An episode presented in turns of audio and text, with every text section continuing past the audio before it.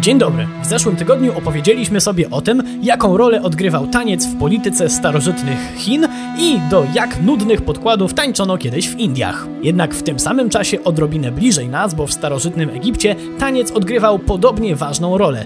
Dużo ważniejszą niż wielu osobom się wydaje, to też warto sobie co nieco o tym opowiedzieć. Przy mikrofonie Wojtek Drewniak. Serdecznie zapraszam na kolejny odcinek programu w Drewniakach.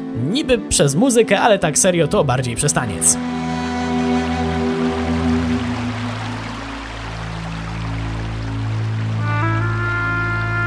Taniec towarzyszył Egipcjanom od samego początku ich państwa. Państwa tak starego, że aż strach. Cofnijmy się do samych początków, do tak zwanego okresu Starego Państwa, który trwał, uwaga, od XXVIII do XXII wieku przed naszą erą.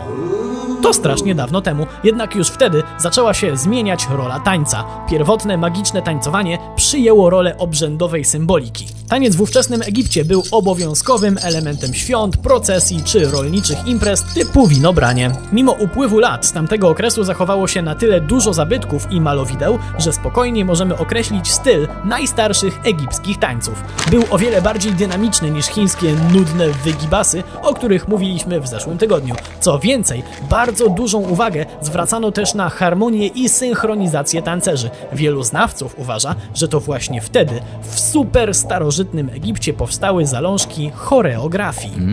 Tańczyć niby mógł każdy, ale za absolutnych specjalistów uchodzili wtedy sprowadzani specjalnie z południowej Afryki pigmeje. Byli oni cenionymi nie tylko tancerzami, ale i dworskimi błaznami. I ktoś może pomyślał, że trochę to uwłaczające, ale nie do końca, bo pigmeje uchodzili za kogoś w rodzaju kapłanów. Wierzono, że są ziemskimi ambasadorami Boga Bez, opiekuna wszelkich rozrywek. To też pigmeje byli nie do ruszenia. Jeśli mielibyśmy mówić o tańcu tradycyjnie egipskim, to byłby to właśnie ten z czasów Starego Państwa. Czemu? Bo w średnim państwie, czyli między XXI a XVIII wiekiem przed naszą erą, Egipt zaczął poważnie rosnąć w siłę, a co za tym idzie, zaczęły się o wiele częstsze kontakty handlowo-artystyczne z innymi cywilizacjami, z Fenicją, Babilonią czy Asyrią. A co to ma wspólnego z tańcem? Ano to, że elementy tamtych kultur zaczęły do niego przenikać.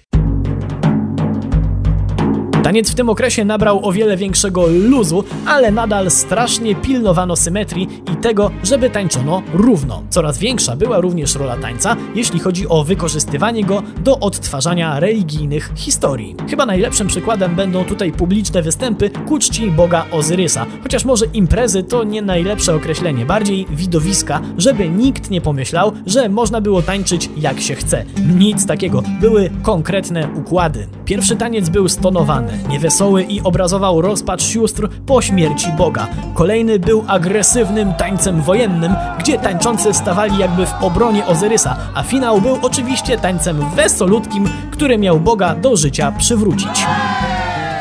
Jak więc widzimy, taniec był tutaj niemal rytualny, jednak poza takimi misteriami tańczono też w mniej wyuczony sposób. Wreszcie dla rozrywki. I to do coraz bardziej złożonych piosenek, bo okres średniego państwa to też czas, kiedy zaczęło pojawiać się coraz więcej instrumentów przypominających dzisiejsze lutnie albo harfy. Nic tylko tańczyć i tańczyć aż do okresu nowego państwa między XVI a X wiekiem, gdzie się wszystko rozjechało.